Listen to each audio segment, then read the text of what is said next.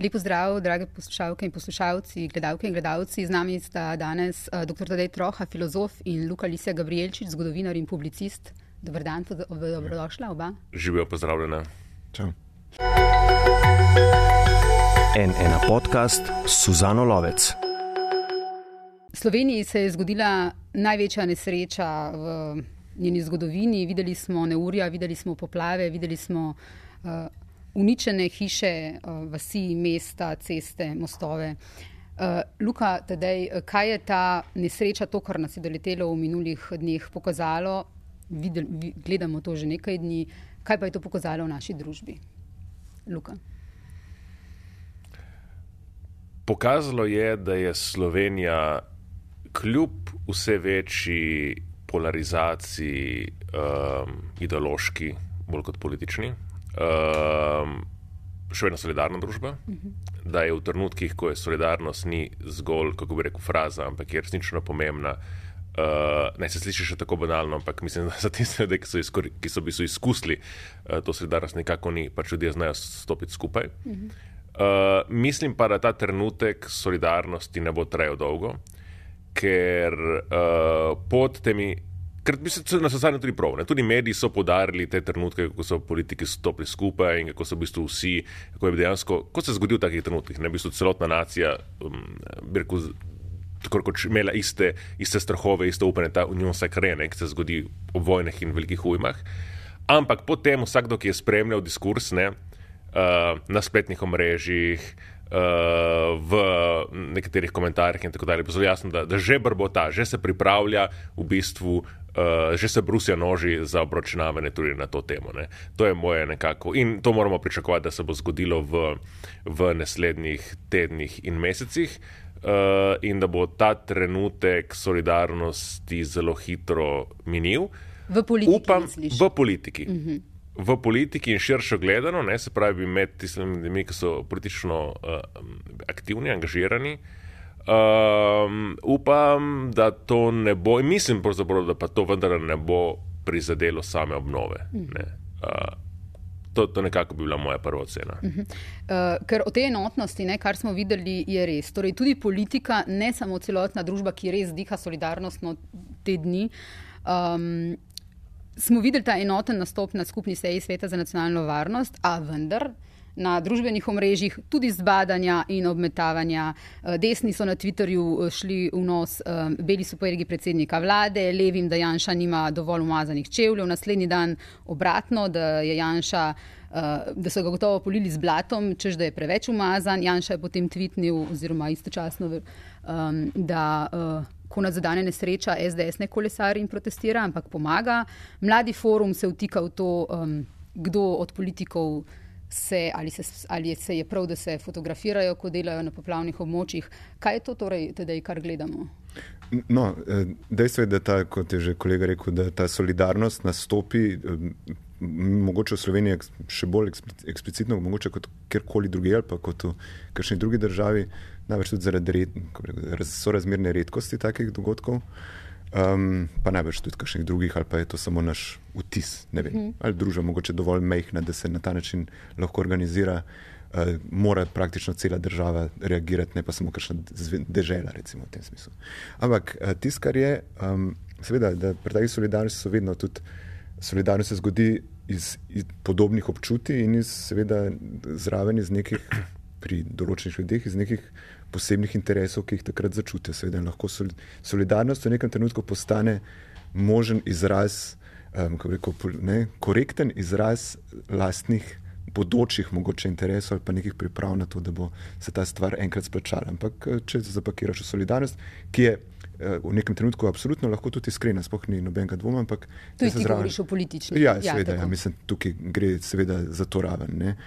In nasploh na tej ravni je jasno, kot je že rekel kolega, da te stvari ne bodo trajale in da že, ne samo, da ne bodo trajale, že zdaj niso zelo solidarne. Mislim, uh, če je maksimum, ki ga lahko dosežemo, to, da na, sej, po, na tiskogi po seji sveta na videz za naivne zgleda, kot da so stopili skupaj. Ne, ko pa že je en velik enih signalov, da se tukaj že, že točno, že, to, sami te gesti kaže že neke razpoke. Kaj sem, recimo, uh, če ste gledali sam uh, timing, koliko časa si je kdo vzel, ne, koliko časa si je vzel vodja opozicije, kot se reče. Ne, um, ne vem, če, če bi šel, šel gledati, zadeva ni bila dolga, ne vem, vse skupaj je bilo mogoče 15 minut ali pa da je bilo pol ure. Uh, mislim, da si je Janez Janša vzel časa več kot. Uh, kot golob in uh, pirc musar skupaj, recimo, sem zaradi tega, ker se je počutil, da mora predstaviti celotno vizijo mm. svoje reakcije, kako koli. Ampak to, mislim, da to ni niti toliko bistveno. Meni je, meni je glede na to, za, za kakšen dogodek gre, so, je tukaj precej več bolj bistvenih vprašanj, po mojem. Skratka, uh, lahko rečemo, ne, vedno v povezavi z, pa bomo pa še v tehnikalije, lahko gremo. Ne, pa, ampak, če, recimo, če, če gre za to, da je ta intenziteta padavin je seveda pač povezana s podnebnimi spremembami, o tem ni nobenega dvoma pri resnih ljudeh. Um, je pa zdaj stvar v tem, ne, ali bomo, meni tisto vprašanje, ki se meni postavlja, je, uh, glede na to, da so take zadeve tudi skozi bolj pogoste, kako bomo reagirali ob naslednjih poplavah, če se ti zgodijo dovolj hmal. Uh mhm. -huh. Tako skratka, um, um, kakšna bi bila tako kot miselni eksperiment, žalosten miselni eksperiment, kakšna bi bila reakcija, če se ti poplave čez tri mesece ponovijo. Uh mhm. -huh. Torej, ali bo družba zdaj v celoti zmožna to videti še kot moment, recimo, nekega, uh -huh. eh, vendar neke želje za nosa, potem, da stvari postavimo malo drugače, tudi eh, čisto operativno. Ne samo vizavi podnebnih smrti, ampak čisto na tej ravni, da je to nek wake-up call, kakršen koli že. Uh, ali bo po, po naslednjih poplavah, zdaj, če se ponovijo poplave, zdaj, če se ponovijo suše, mislim, če pride do suš, bo zadeva možna. Ampak recimo, da se ponovijo poplave čez en let, na, ist, na istem prostoru zaradi mene, ko zadeve še ne bojo sanirane, uh mhm. -huh. tako, uh, pa ne bo več um, to, ko, ne bo več tega miksa.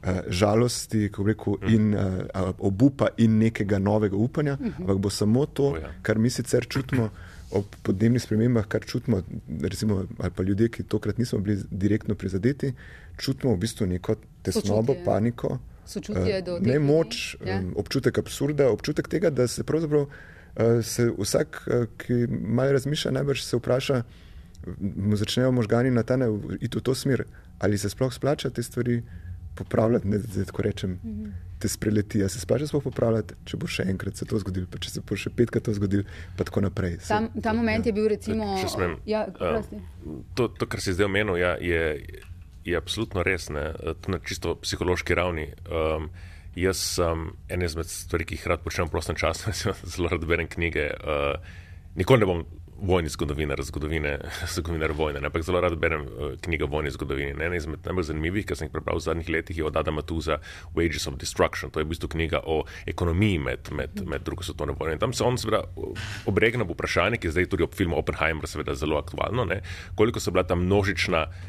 Izjemno kruta bombardiranja nemških in japonskih, seveda potem mest v drugi svetovni vojni, učinkovita, potrebna ali pa ne. ne. Do, do, do, in on, recimo, tam na nek zelo precizen način, ki vključuje tako ekonomske statistike, kot tudi psihologijo, pravi, ne, ko pride en val teh, teh množičnih bombardiranj. Ne, Je nevrjetno, kako hitro se družba lahko zorganizira, in v dveh dnevih je stvar očiščena. Ampak, če pride eden za drugim in eden za drugim, pride na neki točki do, do, uh, do psihološkega zloma. Ne. In to je na neki, čisto bi rekel, uh, na neki čisto psihološki ravni, to velja potem seveda ne samo za vojno, ampak velja tudi za, za, za naravne nesreče. Ne. To, da je točno to, da, da en tak dogodek je. je, je Reagirajo ljudje na, na nek način. Ne. Na dva dogodka, ki so v različni, ki sta dovolj, bi rekel, stran vsak sebi, ne časovno, tako, ampak če prihaja to potem vedno znova in vedno drugačna oblika, zdaj poplave, pa potem suše in potem dejansko to. V, psiholo, v globoki psihologiji ljudi prije do nekega klika. Ne. E, in, in ja. tega, tega, se mor, tega se moramo ne bati, ampak tega se mo, moramo pričakovati, da to utegne biti problem. In, uh, in na tej točki več ne bo mogoče računati na neko spontano solidarnost. Ne. Uh, to je treba vzeti v zakup, mogoče ne zdaj tako, ampak v naslednjih letih. Uh, in, in tudi razmišljati o tem, da, da, da če vstopamo res v obdobje. Um, ko bodo tako stoletne ujme, kot je bila ta postajale, ne, desetletne ali pa petletne, in tako dalje, um, da to res pomeni nek stres za populacijo, za prostor, ki ni uh, ki ni sorazmerno više, ampak je eksponencialno više. Ne?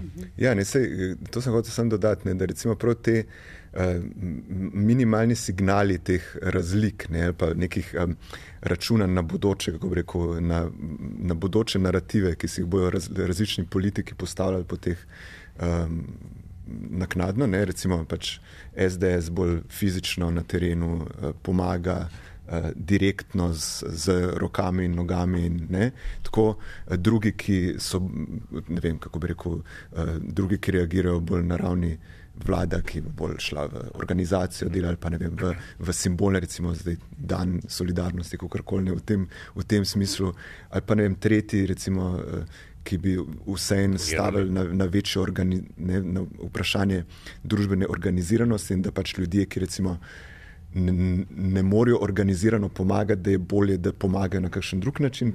Ampak vse te stvari se bodo postavljene, te uh, razpoke ne, v, v, v tem ali pa nekaj, ker so, mislim, kako rekel, tukaj uh, tleči zelo resni konflikti. Ne. Mislim, hoče reči, te zadeve so trenutno ne zgledam, ampak mislim, da so prav te minimalne razlike v tem, kako se do tega postopati, da napovedujejo eno, en res orang uh, fight mhm. v nekem trenutku. In samo hoče reči, da potem, uh, ko se reko, pride do psihološkega zloma pri pr populaciji.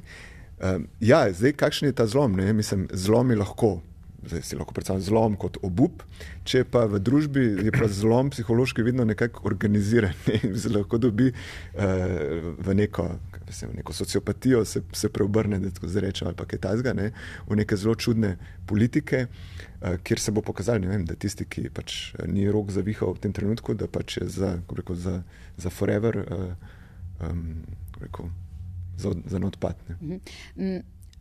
Nihče ne more reči, nismo vedeli klimatski znanstveniki so na to upozarjali. Jaz, odkar delam kot novinarka, kar je že zelo dolgo, uh, se spomnim uh, Lučke Kajfeš Bogataj, ki je na to upozarjala, in potem vsi, ki so sledili, ki v bistvu uh, isto upozarjajo. Ves čas, uh, mislim, dve leti nazaj smo, je žiga zaplotnik, recimo pri nas na poglobljeno, dobesedno napovedal to, kar se dogaja ravno to poletje. Skratka, te stvari si bodo sledile, bodo sledile, mi se ne moramo delati tega več na vod, to je bodočnost naših otrok. Vprašanje je samo, kako pogosto bodo ti res ekstremni vremenski pojavi. Um, zdaj, kar je pomembno za naprej, verjetno se oba strinjata, je to, kaj bomo mi kot država uh, zdaj iz tega naredili. Lučka Kajfeš Bogata je včeraj za večer opozorila, ne, da je treba gledati naprej in uh, graditi, uh, infrastruktura mora biti drugačna, prilagojena na podnebne spremembe. Kar je nujno dodati tukaj, je tudi to, seveda, da um, je treba verjetno bolj odločno tudi kot družba in država, ne samo se, mislim, se nujno prilagajati na podnebne spremembe, hkrati pa bolj odločno ukrepati, da bi pač podnebne spremembe proti njim naredili to, kar lahko ja. naredimo. Tukaj se mi zdi, da so uh, mnogi uh, tiščali uh, glavo v pesek. Um, Ne samo tiščali glave v pesek, tudi prihajali do tega oportunističnega zanikanja znanosti, o tem smo tudi že pisali. Naj vemo, da recimo je govorjenje o segrevanju zemlje je velika laž, sem geolog in vem, da ni tako. Zemlja, zemlja se v resnici ohlaja, črni panter, simbol karantanje je izumrl, ker se podnebje v Evropi ohlaja, saj je bil navajen na toplo podnebje. To je uh, še nedavno, mislim, par let nazaj, ne je govoril Branko Grins, vidni poslanec eh, stranke SDS, eh, ki ga je ta stranka tudi pošiljala kasneje na um, pogovore ne, državne o podnebnih spremembah. Skratka, mi se ne moramo delati, da v bistvu uh, v dobrošnem delu politike uh, velja ali vse pač neko zasmehovanje uh, politikam podnebnih sprememb, uh, ali pa v bistvu celo kot vidimo zanikanje. Ja, mislim, zdaj, tako, da bi vse to komentiral, je absolutno preveč. Ne? Jaz sem se, se s tem že kar nekaj časa ukvarjal. Um, Vse čas, ko predavam na, na, na fakulteti, imam vsako leto par kurzov o tem, tako da um, mi je, so mi stvari jasne, da lahko rečem, da sem tudi absolutno nekako rekel, pričak, pričakuješ to, seveda. Um, in uh, te stvari niso, niso sporne. Um, bolj bi pa, če pa gremo na malce bolj, mal bolj zahtevno vprašanje na nek način, mislim, to razmerje med. med uh, med blaženjem in adaptacijo, ne, uh mhm. -huh. recimo, v tem smislu med ukrepi za preprečevanje uh -huh. ali pa za blaženje podnebnih sprememb in adaptacijo. Luška Kajfeš Bogataj ima vse čas, kar se jaz spomnim, ni, uh, se mi zdi, da je že vedno bila bolj na stališču, da je adaptacija bolj ključna. Um, zdaj, kako bi to človek vrednotil, je zdaj vprašanje. Jaz mislim, da je, da je stvar v tem, da če mi mislimo s podnebnimi izrednimi razmerami resno, sta te dve zadevi neločljivo povezani. Ne? Z, kdor kdor po, opozarja samo na eno ali drugo, uh, je v nevarnosti, da rekel, se hote ali ne hote upne v nek tip ne zanikanja, nek tip uh, odlašanja. Uh, pa, skratka, kako boš rekel, težko poudariš adaptacijo, težko poudariš samo adaptacijo. In ne, kako reko, druge vzroke, in tako naprej, um, noben ti ne bo poslušal. Skratka, morata more, more biti obe tendenci vse čas prisotni. Um, in mislim, da je to, da se mi ne adaptiramo na podnebne, na podnebne spremembe, je samo druga stran tega, da ne razumemo, da obstajajo, oziroma da jih ne jemljemo resno. To je, to je dejstvo. Zdaj, uh, seveda, pol ob takih zadevah, ob teh poplavah, pride pol do tega, ne, da se bodo oglasili ljudje, in, um, ki bojo hoteli povedati, uh, niso ključne podnebne spremembe, ključno je to, da na robe gradimo. Ja, seveda, na robe gradimo. Seveda. Ampak. Um, količina sama, ne, mislim, tip padavin, ta vremenski vzorec, zlasti avgusta, pač ni, ni nekaj um, normalnega ne, za, za to podnebje. In seveda, pač, lahko rečemo, za našo družbo, za, naš, za našo državo, za način, kako je zgrajena, čist fizično, um, so pač te podnebne spremembe katastrofične že v tem trenutku, in um, boljš ne bo. Ne. Uh, tako da, ja, mislim, dejstvo je, da je, da je tukaj en absolut, mislim, mora biti uh, ja, korak v, v obe smeri narejen. Ampak recimo, bom še kolega. Jaz, mogoče, ja, jaz sem ja. vrnil nazaj na tvoje vprašanje, ja. ne, glede na povedi. Napovedano, in to mislim, da je napovedano na vseh ravneh, bilo, ne, ne samo zdaj na tej splošni klimatološki ravni, se bo dogajalo, mhm. ampak kar je mogoče še toliko bolj presenetljivo, spodbudno na eni strani in grozljivo na drugi, ne, da je bilo napovedano tudi zelo konkretno. Dan prej so povedali, jutri bo se to zgodilo. Uh, jaz sem avto prijavil gor na višjo, na višjo, sem ga imel parkiranega prej na potočku in sem ga potem uh, parkiral malo više, ker je bilo napovedano tisto noč prej, da se bo to zgodilo. Ne, se pravi, uh, pa. Od samega začetka poletja, ko se je začela ta anomalija podnebna, je bilo povedano, da se, da se bo to dogajalo, da, da bo se pravi. Na vseh ravneh, na, na, na srednjeročni, na kratkoročni, na dolgoročni ravni je bilo, je bilo vse napovedano, in kljub temu, uh, pač je prišlo to. Ne? In jaz mislim, da ta, ta občutek, uh, zlasti recimo ljudi tam na Koroškem, zgornji Savinski dolini, tudi na Gorenskem, ne? da, da ko pa naenkrat pride, pa imaš tisti občutek, da pravzaprav. Kaj pa bi lahko proti temu naredil? In, in vidiš, da v bistvu gre mogoče za desetletja in desetletja um, zgrešenih ali pa, ali pa neprilagojenih graden in tako dalje. Ja, čeprav tukaj je odnašalo strani... tudi stvari, ki so v bistvu stale tam že 100, tudi 150 let. Skratka, je, ta, ja. ta stvar je bila tako močna, da. Uh, do določene meje v bistvu se ni bilo možno prilagoditi. Ne? Ampak ja, zdaj, zdaj 150, vemo, je 150 let mogoče še, naj, ja. še najslabši, uh, še najslabša, bi rekel, časovna perioda. Ne? Ker mm. predtem, če mi gledamo, seveda v zgodni novi vek, v srednji vek. Uh, je bila gradnja popolnoma drugačna, je bila morfologija uh, slovenskega področja popolnoma drugačna. Vi greste gledati, recimo, uh, katastre uh, franciskejske in boste videli, recimo, spodne posavje. Uh, ogromna območja poplavna, ki, kjer so danes popolnoma zazidana. Do meseca zgodi ta. Uh, V modernosti ta, ta, te, te zaezitve in te regulacije, ne, ki radikalno spremenijo uh, podobo celih, celih regij, mogoče to pri nas je še manj izrazito kot recimo na Hrvaškem ali pa, ali pa na Mačarskem. Ne. In zdaj mogoče smo konec, konec dobe, ne, da zdaj moramo začeti neko, neko uh, adaptacijo, ki bo po obsegu uh, in radikalnosti primerljiva s tisto, kar je bila pred 150 mm. leti. Ne. Um, še, še nekaj, to, ne, če se vrnem k temu. Ja, nedvomno, mislim, um, kar, kar je mene potem tudi.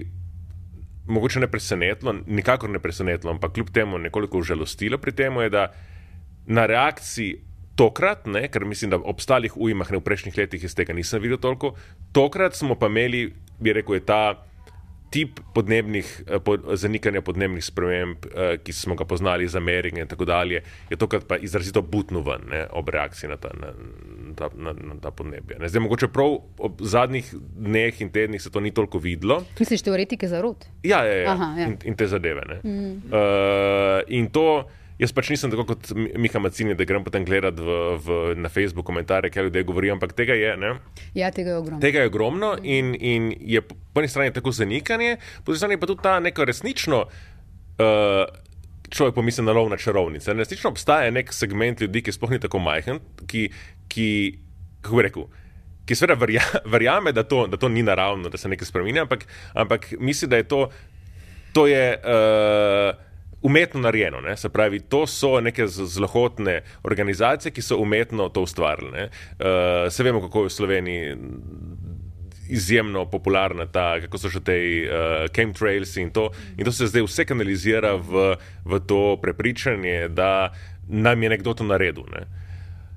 In to seveda lahko, re, tako, te, te, te lahko obrnemo uh, pogled, zamahnemo z roko, ampak to je zelo prisotno. Ne? Zelo prisotno se meša z teorijami zarote, ki so že prisotne bile glede eh, pandemije, Antivaksa, ja. anti, Antivaks. anti, antivaksa in vemo, kako to močno in vemo, da ne, resnica stranke lahko postane najbolj nerodno in smešno kandidatko in je takoj dobila odstotek, ki je, ki je visok. Pravi, to, to tudi utegne se kristalizirati v neko novo politično gibanje.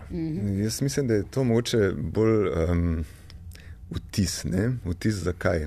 Vtis moči, recimo, teh teoretikov zdaj, zato ker so jih kot zares problematično prepoznali tudi nekateri na desnici. Ne? Mislim, se pravi, blagi zanikovalci, recimo tipa Žiga Turk.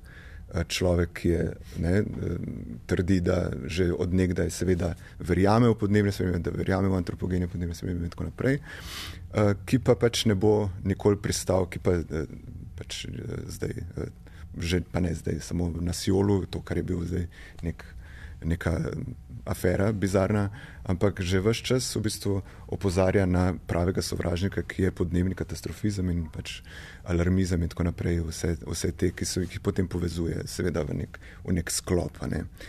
Um, mislim, da je to, kar je meni hecno, mislim, da, se zdaj, da so se tukaj združili v obsodbi teoretikov zarod ljudje, ki, ki rekel, ki jim ne bi dal um, ravno eh, najbolj uh, pravice, da se posmehujejo pač, uh, takim ljudem, ker mislim, da je, da je na nek način um, res prava neumnost in prava zablodelost je ta, ki jo blagi zanikovalci oziroma pač tehnološki utopisti, kakorkoli jim že rečemo, pač prodajajo. Ne? Ker, eh, ne, Ne smem nek- prekiniti, ja. da opozorimo poslušalce, o čem govorimo. Žiga Turk in, in Grim sta se prijela na Twitterju. Ne? Recimo, da Ja, ja, to plastično ja. povemo. Ne? Se pravi, tukaj je nek spor, nastaja tudi znotraj tega. Ne? Ja, ja, ampak je to, so, to, je, to je to. Ne? Mislim, da, ampak to so tako, kot je splošno, kako bi rekel, splošna zaveza, splošno delovanje proti podnebnim spremembam zamujeno že ne, desetletja, je tudi do tega kleša prišlo pač Prepozno. desetletja prepozno. Um, kako bi rekel, ta zmožnost tolerirati ne, strani enega ali pa drugega to razliko, če je bila tako močna, to je kar presenetljivo. Ne? Se pravi, da, uh, da se je to zdaj oglasil, seveda, ko postane oportuno, ko ni več možno nekih pač stvari zanikati, je, se lahko te spopadi zgodijo, ampak pravi nasprotnik uh, bi stavu žiga Turka je še vedno enak, uh -huh. Um, nad, ki je na drugi strani. Eh, kako pa, če Ker, če gremo? smem, ja. ker, ker je paradoksno, ne, ker zdaj. En izmed prvih teh tudi strategij, uh, študij, ki so se izkazali za zelo daljno, uh, kako bi rekel, daljnovidne, ki jo je opravila Lučka Kajfeš Bogataj, je bila opravljena leta 2005 pod prvo Janševo vlado. Ne. In točno to, kar, si, kar je ona takrat pisala, če to prevedemo ne v kulturno-bojne uh, uh, kategorije, ampak v vprašanje politik, mm -hmm. ni toliko bistveno različno tem, kar piše Žiga Turk. Tukaj, če bi se ona dva usedla, recimo, ne, dobro, če bi bil Žiga Turk tak. Na, na, na, bi rekel, na, na mestu, oblastnem mestu, ne, da, bi, da, bi se mogel, da se bi se moral pogajati ne, in, in odločati, bi lahko prišla, če bi govorili o konkretnih vprašanjih, do, do, do skupnega jezika. Ne. Ker oba z, v bistvu prioritizir, priorizirata se pravi, prilagajanje. Ne.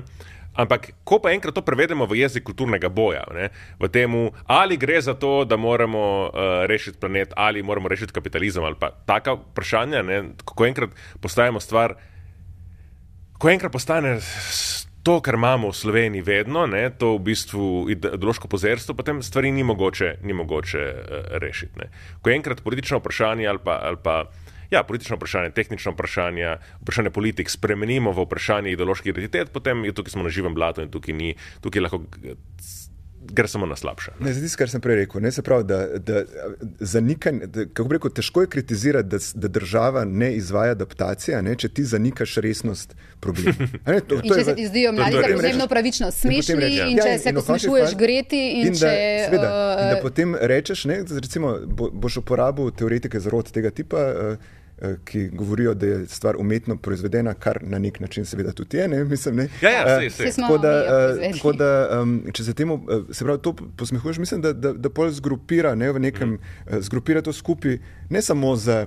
Eh, ne, vem, ne omenja plastičnih slamic, ampak lahko bi jih, ki je seveda pač en, eh, mislim, prozorno neučinkovit ukrep ne, v nekem smislu, ampak eh, zgrupira to skupaj tudi z vem, podarjenjem javnega prevoza, pa z kolesarjenjem, ne, mislim, kar pa seveda niso več iste, iste stvari, se pravi, iste, kot ne, figure norcev, ne, figure, eni, so, eni trdijo, da, so, da, to, da to NATO direktno proizvaja, drugi trdijo, da je, da je dobro imeti javni prevoz, močnejši, tretji trdijo, ne mislim. Tako, in um, alarmisti, ne, in to, v tem se moti, pa mislim, da ne vem, če, če to ve.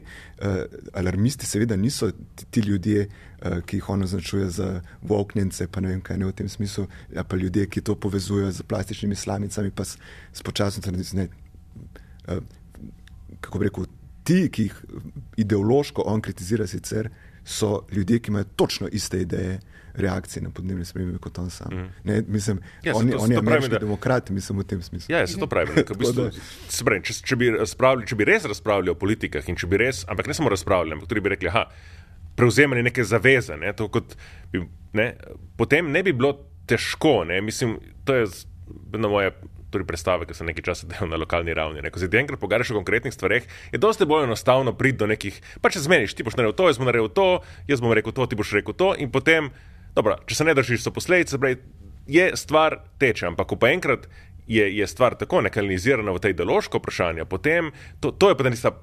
Miselna poplava, ne, ki odnese vse, ne, ker potem dejansko je, je erodirati za temeljno zaupanje, da, da, ti lahko, da ti lahko stvari vodiš naprej. Ampak dobro, vsi mogoče, sej, Če gremo korak nazaj, to Slovenija niti ni problem, ker mi, za razliko, zato sem prej postavil to različico med politična polarizacija in ideološka polarizacija. Imamo zdaj uh, koalicijo, ki tudi, če bi stopila na manjša partnerica iz, iz nje, bi še vedno imela absolutno večino v parlamentu. Mi, mi uh, politične polarizacije nimamo, ali pa je ta tako asimetrična, mhm. da bi rekel, mi bi rekel, imamo operativno večino, kot recimo ameriški kongres nima že 20 let. Mhm. Uh, ali pa če jo ima, je predsednik na drugi strani. Zabravi, mi tega problema v tem smislu nimamo. Uh, ampak to še vedno ne pomeni, da ta, bi rekel, ta, živ, ta živi pesek, ki vsako vprašanje spremeni v ideološko obračunavanje, da je to, da je to kaj manj škodljivo. Ni, ne? ker potem jaz mislim, da tudi ta izjemna prisotnost teorij zarote v slovenskem diskurzu je na nek način simptom tega. Mm -hmm. Sam še nekaj zahotel dodati, zadnjo na to temo. Um, to, kar, sem, kar, kar smo prej govorili o tem, ne, kaj se zgodi, če so še enkrat poplave, pa še enkrat. Ne, uh, še eno, eno zadevo bi tukaj moral podariti, glede, glede eh, reakcije vlade.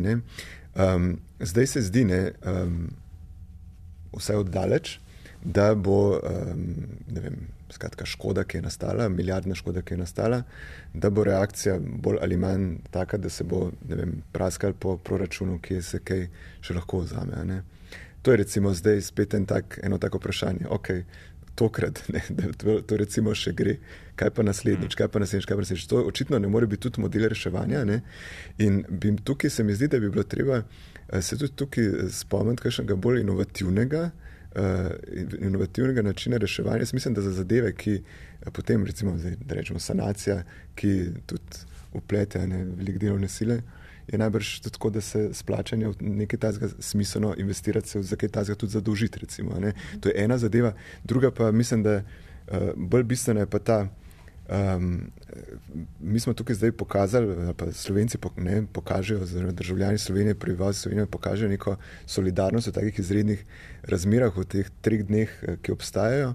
Zakaj ne bi tega bolj sistemsko uredila? Uh, z, obstajajo sigurno kakšne kakšne instrumente, ne, kako se recimo, vem, uh, če se spomnite pred volitvami, mislim, da LMŠ imel idejo, da mislim, da za državne obveznice za gradno stanovanj in tako naprej. Ne, skratka, da ljudje, mislim, da gre zadeva v to smer, da ljudje imajo na svojih računih, nekateri ljudje imajo na svojih računih enormne prihranke, ne, ki se jim zdaj ob inflaciji tudi na računih topijo in nič ne morejo z njimi delati. Recimo, vprašati ljudi, ali so zmožni, pripravljeni investirati svoje odvečne prihranke, ne v humanitarne akcije, ne v to, da, da pošljem SMS, pa ne vem, nakažem na TRR, ampak da investiram v obnovo svoj. Svoj mrtvi denar na mojem računu, ki pač tam stoji in čaka, da se bo, vem, da bo zginil, ne? in da se na ta način, recimo, potem vlaga v te v te obnove, da se sistemsko solidarnost uredi, ker mislim, da, kako bo to najbrž bogokletno zvenelo, ampak mislim, da uh, so take zadeve tudi za neko prerasporeditev bogatstva zelo, zelo primerne, ampak ne tega, uh, ki je najbolj očitno vidno, ampak tudi, recimo, vse uh, veste podatke, uh, kolik, uh, kakšne, kakšne sredstva so na osebnih računih ne, um, slovenskih, pač, v slovenskih bankah. Od, tudi fizičnih oseb. Ne? To so enormna sredstva. Ljudje s tem nimajo kaj, kaj početi. In mislim, da je tukaj zadnji čas, da se za neko pametno gradnjo, za neko pametno sanacijo, ki tudi ta z, z nečim takim proba, ker iz proračuna. 5 milijard ne boš mogel vzeti. Skratka, da bo treba tudi za obnovo in za vse morebitne um, naslednje take ali podobne dogodke bolj radikalno premisliti. Ja, mislim, najti inovativne rešitve. Ne, zato, inovativne rešitve. No, mi dejansko že imamo inovativno rešitev, kako je organizirana slovenska gasilski, gasilska mreža, ki se je zdaj izkazala.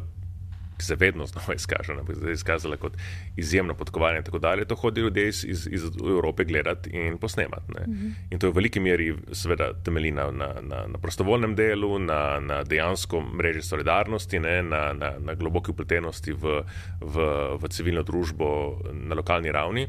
In to je krasen model, ki se ga, po mojem, da razširiti in aplicirati tudi drugam. In še drugi element, ki je zelo pomemben, namreč države same tega ne bodo zmogle. In tukaj imamo mi veliko srečo, ki recimo Turčija recimo ni imela na začetku leta, da ne govorimo o Siriji, Siriji ni imela na začetku leta, Libanonu. Uh, mi smo del neke širše politične skupnosti, Evropska unija. Uh, kjer je koordinacija in ker je tudi solidarnost mnogo lažja, zato ker pač, kako bi rekel, uh, celotna Gorenska in celotna Štajerska in Koroška za Slovenijo je to ogromno. V, v evropskem kontekstu je to zelo malo. Ne? Se pravi, je, je to mnogo enostavneje, bi rekel, sanirati te. te znotraj, evropske, znotraj evropskega konteksta so te poplave zelo majhne in lokalizirane. Znotraj slovenskega konteksta so tako rekoč zajele skoraj celotno državo. Ne? To hočem reči. Ne? In zdaj imamo tudi komisarja evropskega, ki se ravno s tem ukvarja. Ne? In že pri, pri pandemiji smo videli, da smo pogrešali vse evropski nastop, ne, to, je bila ena izmed velikih failov, da tako rečem. Eh, reševanje je bila katastrofa, ne, dejansko so se zaprle. Ravno v trenutku, ravno zato, ker potrebujemo tako inštitucijo kot Evropska unija, ali pa tako, ne se pravi, za reševanje problemov, ki jih absolutno ne moreš reševati na ravni nacionalne države, kot je pandemija, kot so zdaj ujme in, in bi rekel posledice podnebnih sprememb, smo se zaprli na nacionalne države. Ne. In tukaj pa dejansko je treba tudi, kako bi rekel, urgirati, da se te stvari, ki so nekoliko kostanele na evropski ravni, uh, se pravi, tudi nadalje, nadalje um, kako bi rekel, um, rešujejo. In to mislim, da to je že spet ne. Um, to bo eden izmed, to bo eden izmed nalog tudi te vlade v naslednjih. Um, Mesecih in letih, koliko in ima vse možnosti, da je to uspe, koliko bo dejansko tukaj uspela te stvari še izboljšati. Se niso slabe, ne? ampak, ampak um, vidimo, da je tukaj, je, kako bi rekel, um, možnost za izboljšanje je, je še veliko. Ne? Mi moramo se pravi vzpostaviti nek dosti bolj agilen, dosti, dosti bolj, bi rekel, odziven na, eh, na način, se pravi, eh, pomoči in reševanja in tudi preventive teh vprašanj tudi na, na evropski ravni. Okay. Zdaj smo govorili m, mm, zelo za naprej, uh, pogledali smo naprej, kaj bi bilo treba narediti, ampak kaj pa, kako pa recimo mogoče na kratko, kako ocenjujete uh, dosedanje ukrepe uh, golobove vlade uh, na, na to, kar se nam je zgodilo, na to katastrofo. Uh, veliko kritik je deležen ta dan solidarnosti oziroma ne dan solidarnosti, ampak to, da bo dela prost dan za celotno državo, da tukaj uh, bi bilo verjetno bolj smiselno, da bi predvideli neke olajšave ali pa dela proste dni za prostovoljce, za tiste, ki so se prijavili recimo na aplikacijo, da bi bilo to selektivno, ne pa da bo mogoče zdaj tretjina države vem, šla na morje ali pa podaljšala uh, dopust, ki smo ja. včasih dopustili. Tudi um, gospodarstvo opozarja, da. Um, da to mogoče ni bil, da lahko v bistvu se škoda na ta način uh, še poveča. Um, gospodarska zbornica, danes um, dr. Rok Spruk v delu z ekonomske fakultete, ne, da, da bo v bistvu ta dan mogoče sam še poslabšal stvari, da je bil dober namen, absolutno, da na simbolni ravni je to nujno, da je nek dan solidarnosti, da pa mogoče to da je dela prost dan uh, za celotno državo, pa da mogoče ni najbolj smiselno. Je verjetno najbolj pre, pač najprej. Jaz, jaz dejansko verjamem, kar je rekel Glob, da, da to so bile pobude, ki so prišle drugot, od ljudi, ki so to uh, predlagali. Uh, in zdi se mi, da je bilo verjetno to najbolj enostavno, ne? ker zdaj, če bi poskušali rešiti na to, se pravi, država subvencionira dela prost dan za tiste ljudi, ki so na prizadetih območjih in tako dalje, bi to postala Mogoče celo dražje, ne vem, birokratsko, grozno težko izvesti in, in verjetno to najbolj enostavno in mogoče tukaj tudi. Glede na, tega, na, ta, na to, v bistvu, so slovensko in so nacionalno solidarnost, ki se je izkazala, pa mogoče niti ni tako slabo apelirati na dobro voljo in, in dobro, bona fide in dobre namene ljudi, da pač ne, ne grejo tisti dan na more, da ne izkoristijo to kot ponte, ne, kot se reče v italijanščini za 15. august, ampak da dejansko izkoristijo ta dan za, uh, bi rekel, akcije Na zadnje se v Sloveniji take akcije, vse slovenske čistilne, smo že meni, so bile zelo uspešne. Torej, ni razloga, po mojem, kako bi rekel. Uh, ja, mogoče je taka, rekel, všečna, populistična, kar hočeš poteza, ampak ni razloga, zakaj bi se svišali, ni razloga, zakaj bi mi bili pretirano, kako bi rekel, čuječni in ne bi zaupali ljudem. Dajmo zaupati ljudem, da bodo danes koristili, uh, dejansko solidarnost, da bodo dejansko pomagali. Sveda, tudi organizirati to v tako kratkem času, ni, te, te široke akcije ni enostavno. Ljudje, ki pridejo in se zgolj pokažejo in potem primajo lepato na napačen način in, in tam neki eh, se, se bi rekel, uh, pozersko kaže, mogoče tudi niso najbolj um, dobrodošli, uh, bi rekel, uh, gostje, ne? ampak se pravi mnogo, mnogo vprašanj in, in problemov je tukaj, ampak zakaj pa ne? No? Zakaj pa ne poskušamo na ta način? Ne? Jaz mislim, da karkoli drugega je bilo verjetno v tako kratkem roku mnogo bolj zapletene izvesti. Uh -huh. uh, ja, zdaj uh, tako je. Ne? Uh, če bolj, bolj nasplošno rečeno, mislim da, je, mislim, da je nek splošni vtis, da je najboljša poteza te vlade bila v tem, da je pustila civilni zaščiti, da ja. vodi uh, zadevane.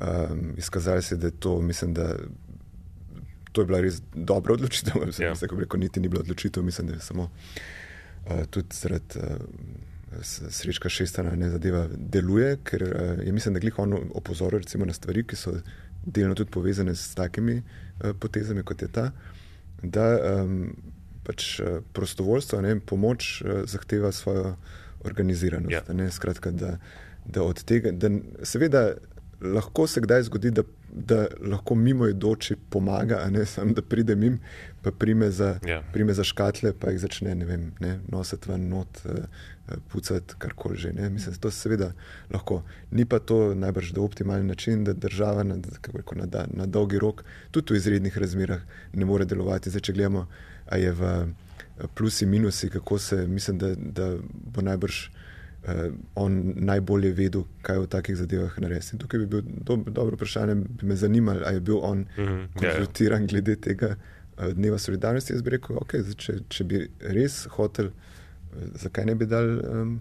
16. Mislim, 16. Mm. pa bi imeli pet dni skupaj, pa samo en dan dopustil. Zdaj, ko če bi šlo za vprašanje, ali lahko pomagamo ljudje iz, iz krajev, recimo Ljubljana, Bežigrad, ni bil Eh, neposredno prizadet, mislim, vsaj pač ta eh, šir, eh, oži del. Ne? Mi v Ljubljani, tisti, ki nismo ob Savi, ne vemo sploh, mislim, nič ne zgleda, ne? ni tudi zgledal nič, da se dogaja. In je bilo treba iti, ne vem, če si moral imeti sorodnike vem, na drugi strani Save ali pa ne v Medvodah, recimo, naprej v Škofiloki, znance, ne vem, kako koli. Da, da so bile zadeve pač katastrofalne. Kako se zdaj reče? Tako, ja, uh, ljudje se seveda, pač ta, uh, take zadeve, ki so na hitro uh, odločene, ne, kot je bila ta, pač eni pravijo, da tudi ne, kritizirajo tudi problem v tem, da je bilo že pred sejo vlade pravzaprav to uh, razglašeno ja, ja, kot odločeno in da bo odločeno in kaj tako. Zadeve so seveda mal. Nasporočil je predsednik vlade to preko Instagrama. Ja, ja, no sej, mislim, uh, tako da seveda, da imajo te zadeve, ne bi zdaj šel v neko direktno ne, obsodbo tega, ne vem, mm -hmm. kaj se mi tudi uh, zdaj hkrati me mika, da bi direktno obsodil, pa nekako nimam srca skoraj za to, da bi to naredil. Uh, mislim, da lobby učitelj, pa se bomo kasneje pogovarjali o tem, kako je to lahko vem, ideološki pritisk vzbujati slabe vesti tistim, ki, ki ne bojo si našli vem, dela za tisti dan, ki nimajo znancev, ki jim lahko pomagajo, um, ki ne, ne morejo kam potovati, ki ne vem, v končni fazi imajo kakšno drugo delo, recimo slučajno, ki je lahko tudi isto nujno. Um, da, da, ampak da se pa, pa ne vem o tem, da se ljudje, ki, pre, ki, te, ki ne bojo takrat nič pametnega delali, preprosto ne zaslužijo dopusta, ne, to je vedno, vedno malo hecen. Seveda lahko, eh, lahko vedno daš nek drug argument, pa rečeš, ok, če zdaj šteješ evidentirane prostovoljce, si spet v problemu, ali so vsi evidentirani prostovoljci zares tudi eh, ja. aktivno delajo, ali so se samo evidentirali zato, da lahko mhm. to naredijo. Ampak mislim, da je. Žal se je tako zgodilo. Mislim, meni, je, meni je v bistvu prav nesrečno, recimo za neko tako idejo, ki bi potencialno lahko bila tudi čisto v redu, uh, da je bila uh, vržena med, med vikend in praznik, ko so v večini organizacij ljudje že vzeli dopust. Tako, tako. In zgleda, majka ena, kaj pa vem, kot organiziran podaljšan vikend. More, žal se ne more tega vtisa znebiti. Mm. Uh, in um, vsi ljudje, ki, bojo, ki ne bojo pomagali, se bojo pravično, pa ne upravičeno, nekateri tudi lahko upravičeno pač počutijo slabo v tem. Ampak, Všeč mi je, da si omenil Srečka Šestana, ker se mi pa zdi, da se verjetno vsi tri strinjamo, da velja nek nacionalni konsens, da to je pa človek na pravem mestu. Se mi zdi pa, da o njem pa uh, noben nima uh, drugačnega mnenja. Meni se zdi recimo zelo dobro. Ne?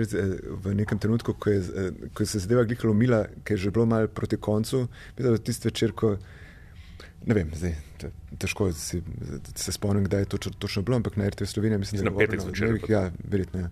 Um, ko so bili tisti, tisti občutki, ne, ali pa neka spontana je bila, uh, zgubljamo kontrolo, civilne zaščite ima premalo ljudi, mhm. -huh. kaj naj naredimo. No, kaj, nima, ne, ne zgubljamo kontrole, ne, imamo dovolj ljudi, ja, ja, imamo dovolj rezerve. Ja, ja. Ne, -huh. to, to recimo se mi zdi super uh, message, su, ja. da, da veš, da nekdo ve, uh -huh. da je to tako in da, si, da je zmožen to tudi reči. Mislim, ko vidiš, kako bo v bistvu neka ta standardna, spontana novinarska floskula vedno že anticipirala, da so zadeve izven kontrole. Ne, niso bile. Ja, ja, ja, ja. Mm. Absolutno.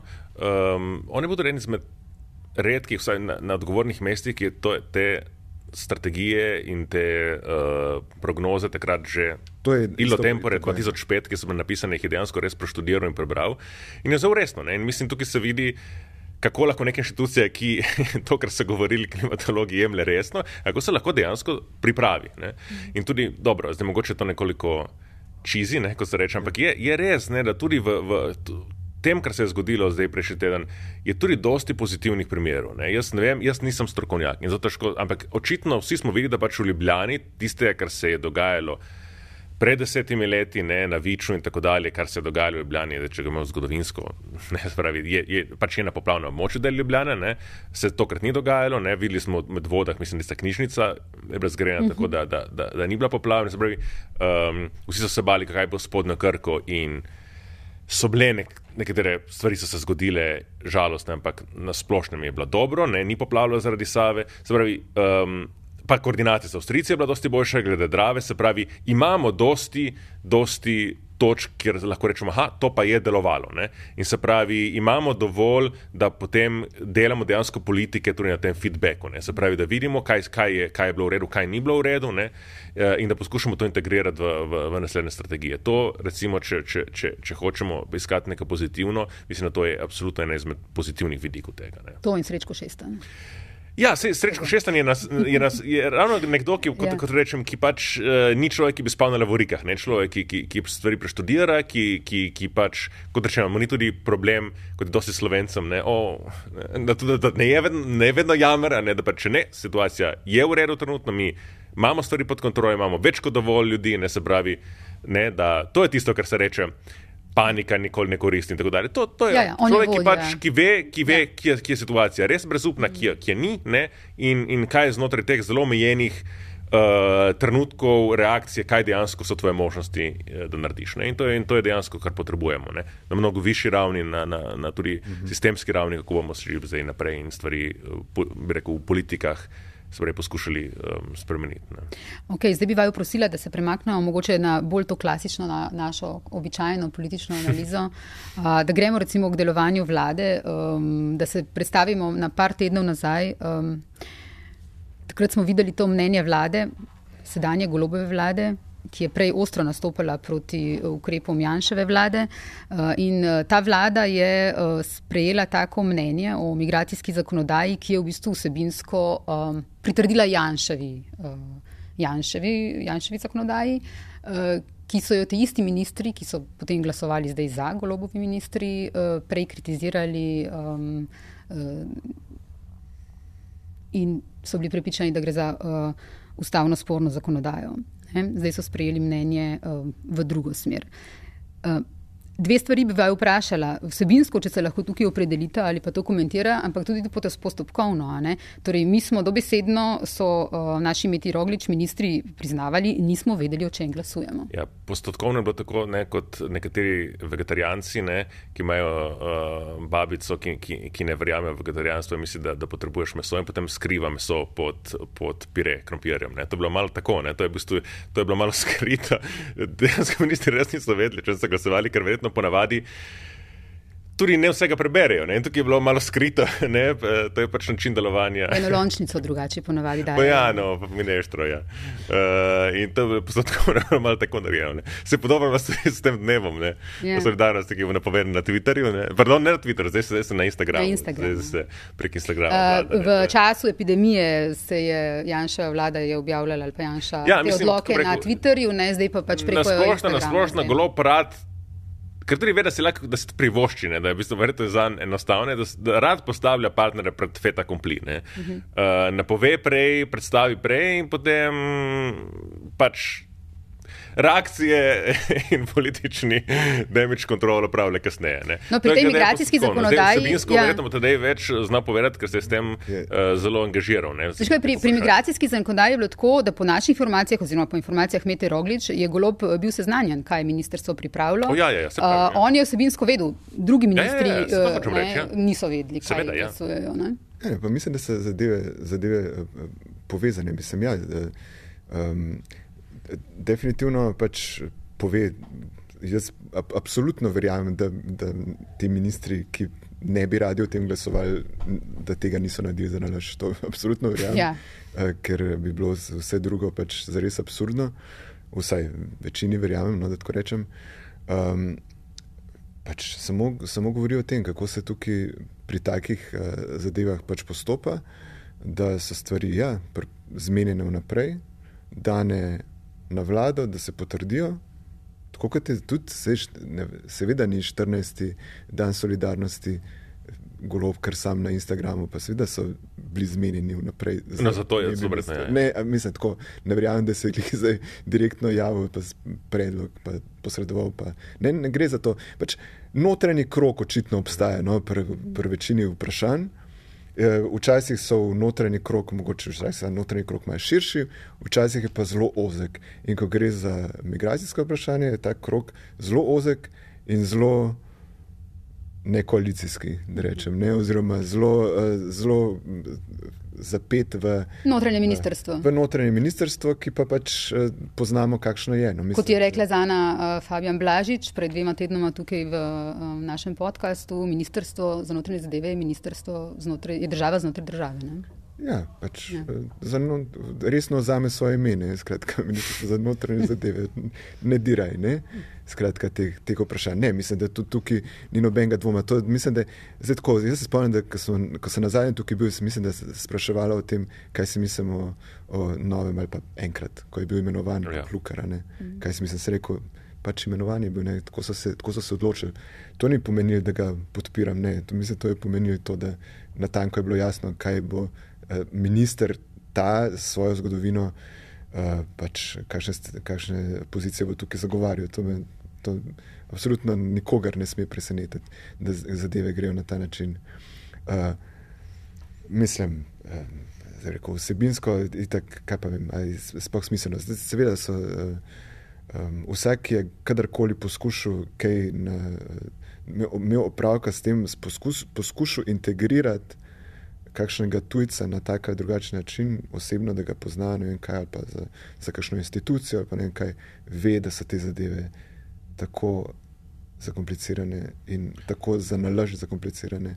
Da, Mislim, eh, ja, glava mislim, boli. mislim, tukaj v Sloveniji tudi niti ne, ne zavedamo tega. Ne? Zato, ker um, na mačarskem, recimo, ne, z, vso, z, vsem, z vsem tem uh, famo, seveda v veliki meri upravičeno, ali pa posebno upravičeno, ki ima Orbanova oblast. Uh, jaz poznam zelo veliko ljudi, um, ki niso evropski državljani in živijo na mačarskem. Ne? Um, iz dobro, Rusije, seveda, Ukrajine, ampak tudi iz Sirije, Libanona, um, Severne Afrike.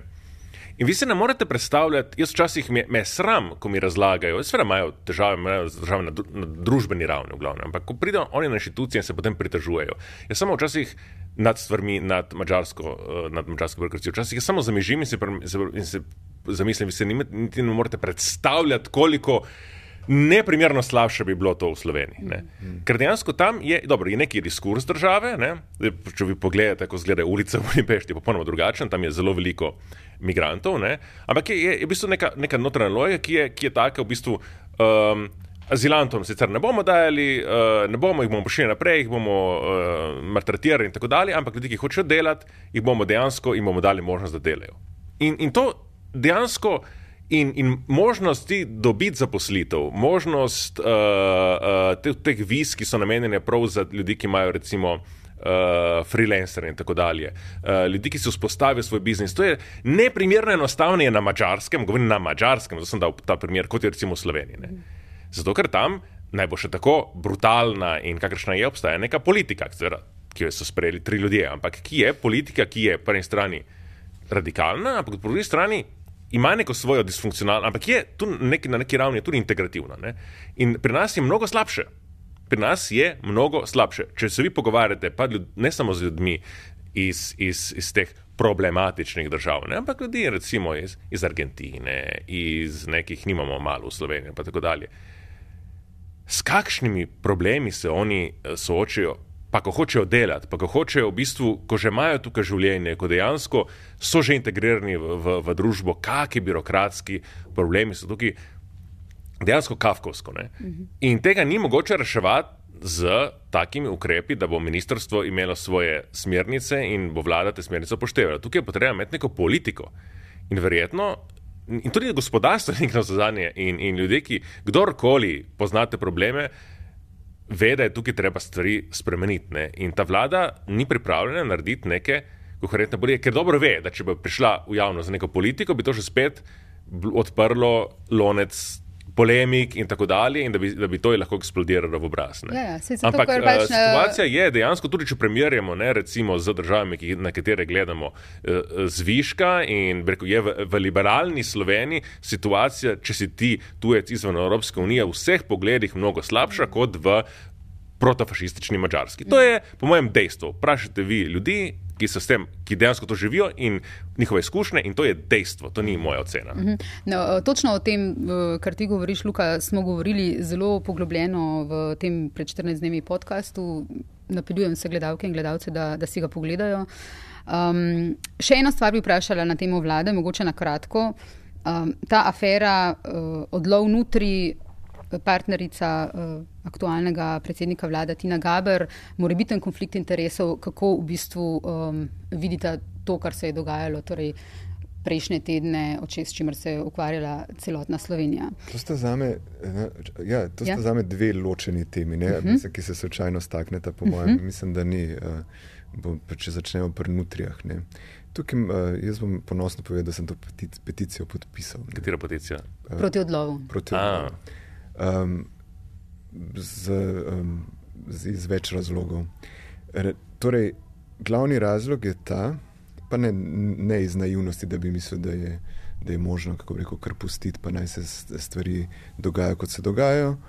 Ampak uh, zlasti zato, ker so bile zadeve upete v nek, um, mislim, da v neko serijo dogodkov, ki jih zlasti ljudje v Ljubljani, pa tudi tako si- sicer eh, čutimo kot uh, nekak. Um, Nekako um, hecno, sistemsko nasilne, um, ker, gre, ker so del sklopa istega problema. Vem, ko poslušamo, ne, v nekem, v nekem trenutku so se zadeve nagrmadile, pa so bili medvedi, postreliti, uniče, zaradi grozen, ne moremo več. Nutrije, pa so bila drevesa, pa so bila drevesa na rožniku, pa so bila drevesa tam, pa uno drevo. Pa tam. Skratka, zadeve so dobile v nekem trenutku eno tako skupno, so postale del enega skupnega, skupnega čudnega gona. Jaz ne vem, težko temu rečem, lahko da je to samo vtis, ampak dejstvo je, da je imel, da take zadeve imajo svojo učinkovitost. Mislim, neko, neko hecno.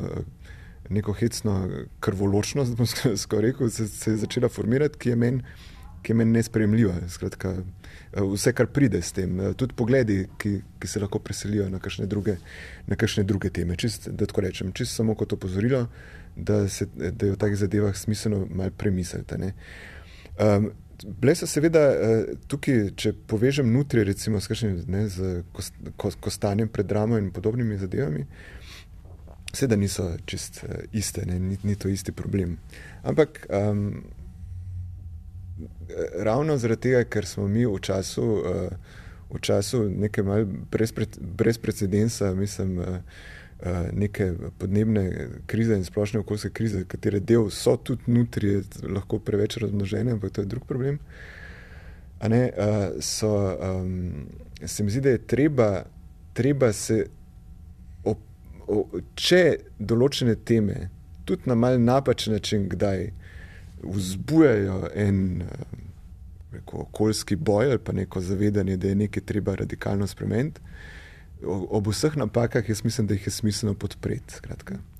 Uh, to, je, to je razlog za recimo, podpis. moj podpis. Mi, pač, mogoče se to komu zdi smešno, ampak meni se ne zdi smešno. Okay. In zdaj drugi del? Uh, drugi del je pa seveda vprašanje Tine Gaber, uh, je pa pač druga tema. Kot, kot rečeno, pa mogoče dam kolegu še naprej priložnost za ja, ne, vem, ne vem, kako mnenje ima, imaš o tem negabor, ampak če sem možen, da imamo diametralno nasprotno. No, jaz bi tako rekel. Ne, ne, ne, ja. na, na to direktno, ne, lahko tudi povem. Ja, mislim, seveda, uh, v resnici, eh, bom rekel, nisem eh, tako podrobno potem sledil, kako je Tina Gaber se v ja. zgodbo ja. nutri pravzaprav vključila, ker mi je zadeva uh, v nekem smislu ne bistvena, mislim, da bom tako rekel.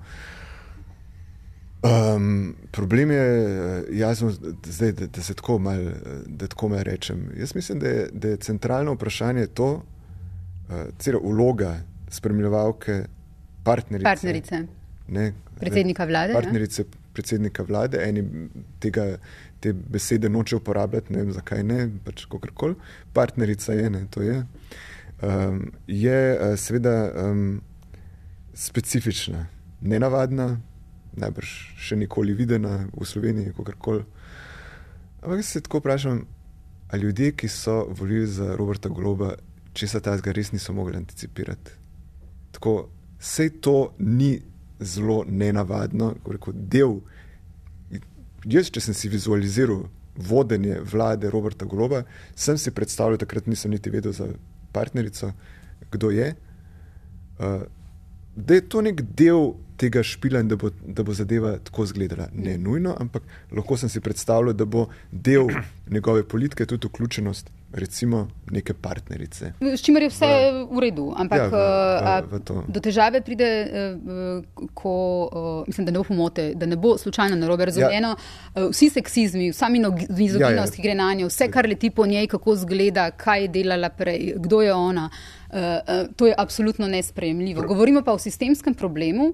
Ali bi imeli problem, če bi Urška Bočovnik uh, Janša na Ministrstvo za zdravje v času prejšnje vlade prinesla podpise? Veste, kako je. Ne, tako vse to, to hočem se zdaj. Sveda bi imeli problem, ker tukaj malo lažje. Ja, ja. To se kratko smije. Ja, ja, ne, ne, ne. Če smem, problem je v tem, ne, to, kar bi mi radi v, v tej Sloveniji, je na eni strani, na vseh možnih točkah, bi radi krepili civilno družbo, kot si jo pač ljudje predstavljajo. Skozi bi radi, da se vključuje. Skozi, radi, skozi imamo občutek, da politika ni samo zadostna, da politične stranke in vlada ni, ni, niso samo zadostne za to, da bi jim dal, kao, vodi ti vlado, komandiraj vse nared tako, spomen se ideje, di, dirigiraj, kako, kako zadeve potekajo in tako naprej. Skozi se reče, treba je poprašati civilno družbo. Potem se pa ta civilna družba utelesi nek, eh, v neki tej podobi, ki nam pa več ni všeč. Ker pa od politike hočemo, pa ne kao, od politike, ki je se postavila kot politika, ki bo civilno družbo um, pripeljala not, ja, pač drži obljubo, seveda z vsemi, z vsemi eh, eh, robnimi in problematičnimi vidiki, ki jih to potegne za sabo. To, zato sem rekel, eh, ne, ne na. na Kdo je volil Roberta Globa? Ja, na, na ta način, za ta predstava, da bo, da bo, da bo zadeve malo drugače potekale, da ne bo to standardni premijer, ki je, ne, pač zdaj, zato, so, zato, zato je tudi zmagal na volitvah, da ne bo standardni premijer. In jasno, mislim, jaz imam lahko ni mi, ni mi, bom rekel, ni mi simpatično uh, sama ta, ta, ta način uh, delovanja, ni, ni neko, moja intimna izbira, ne, pa moja intimna, ne vem, tako, da, da bi mi to bilo. Uši. Da družinski član premijeja nosi ja, mislim, da to, ni, ni, se mi, ni se mi to nikoli zdelo najbolj, najbolj primerno. Ampak, uh mhm. -huh. rekel, to, nimam nimam uh, uh, osebno, ni to, ni to način, kako bi uh, jaz, če bi, če bi kreiral. Kako naj zadeve potekajo. Zelo ločeno, ampak tako je, to je uno, ne pač umazana voda z dojenčkom, ne mislim, ki pride, ki pride zraven. Ja, jaz mislim, da imam tudi glede teme. Več in bolj razdeljena mnenja, kot se mogoče ta tema sploh zasluži. Mm. Uh, najprej, glede to, to pogosto rečemo in tudi zapišemo. Jaz sem neštete, kar to zapisal. Ne. Kaj bi bilo, če bi obrnili situacije in bi bilo enako pod Janezom Janšem. Uh -huh. In tukaj pa lahko res odgovorimo, ja, enako. Bi bilo, Mislim, Samo pa, da bi drugi protestirali. Ja, se, ja. Se, se, v bistvu ne, se, se, tukaj pa res ne moremo reči, da, da mediji te teme niso pobrali, mm. da je niso problematizirali, mm. da, da se o tem ni govorilo. Mm. Mislim, Na tanko tako bi bilo, samo da bi se drugi ljudje zgražali in da bi bila pač, ker bi imela vlada nižjo podporo, pač bi to bilo še toliko bolj manj popularno in tako dalje. Tukaj jaz ne vidim bistvene, bistvene razlike v reakciji medijev in tako dalje. To zdaj je to. Glede same teme, ne, mislim, mi smo v reviji Razpotje, pa bi res priporočili ljudem, da si to preberejo, ker je bila objavljen članek pred to, to polemiko okrog, okrog um, partnerke premijeve uh, in je nekako napovedovala. Smo objavljen res krasen tekst, nutrije je naslov tudi na spletni strani Razpotja. Uh, ki je v bistvu tam naš urednik Martin Hergovt lepo opisuje, kako so te nutrije kot neka, kot kakšen druga razredni eh, grozljivki prišle iz nekega drugega planeta in so vstopile v, v slovensko politiko in so ustvarjali velikansko, velikansko uh, tesnobo, ker niso povedali, če gave so.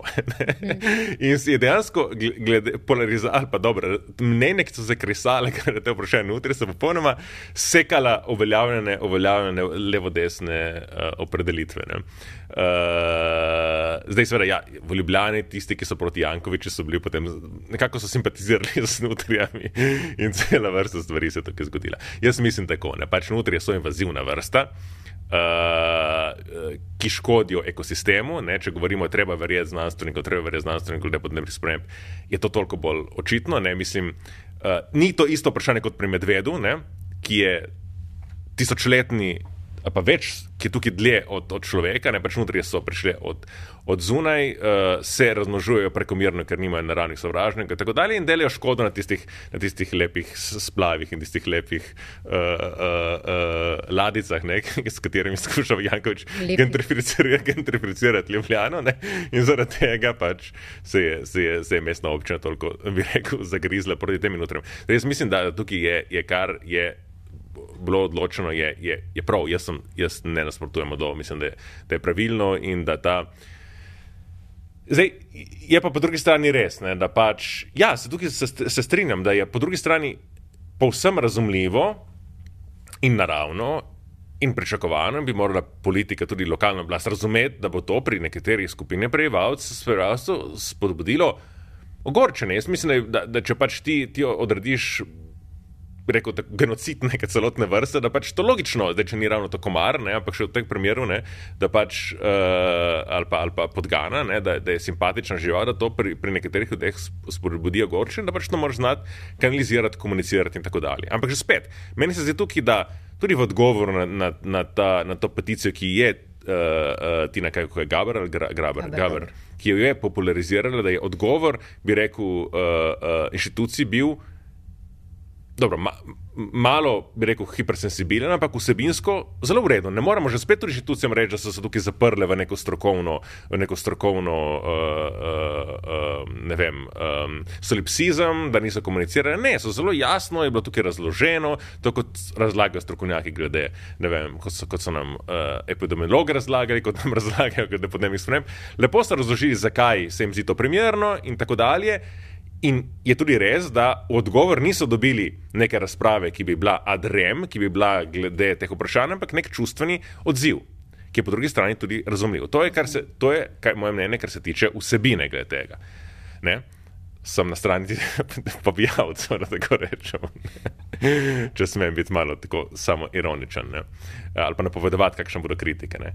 Zdaj, kar se tiče odziva na to, da je, da je bila Tina, Tina Gaber se mi zdi pa. Ne vem, kaj, kaj ljudje hočejo. Zdaj, ali hočejo, da ima predsednik partnerko in jo skriva in jo drži pod, pod, pod uh, ne vem, no, po, ona dva na, na, pa na, na ja, ona, dva na krit, ona dva na te kritike odgovarjata, da ja. delata to transparentno, da, uh, Seveda, da vse dela transparentno, tako bi pa drugače. Ona dva sta skupaj in je prav in ne vidim, zelo, to ni del naše politične kulture, to je res, Ampak zakaj pa ni? Zakaj pa ona ne bi kot partnerka predsednika vlade hodila zraven, ko, ko pač uh, gre na nekaj? Ja, to, to, to pač se dela drugo, to ni samo v tem ni nobenega problema. Zdaj naslednjo vprašanje. A bi ona zaradi tega, ker je partnerka predsednika vlade, morala biti tiho, bi, bi ne smela imeti nekih mnen? Že spet tukaj, ker, ker to pa je ravno, kako bi rekel, meni se ne zdi, zaenkrat bomo videli, če se bo situacija spremenila, bom tudi jaz spremenil mnenje. Ampak meni se ne zdi, da bi bil golob tukaj, ko bi rekel, nujno na isti poziciji, kot je njegova partnerka. Jaz mislim, da golob se ne želi prizameriti Jankoviču zaradi notri, če, če najprej stvar postavimo tako. Ne. Jaz mislim, da od ona dva glede tega, če imata razprave zasebne, so verjetno kar polemične. Ne. Mislim, da, da nista na isti, na, isti, na isti točki tega. Samo kako se je potem njega tudi spraševalo, v bistvu, kaj govori tvoja ženska?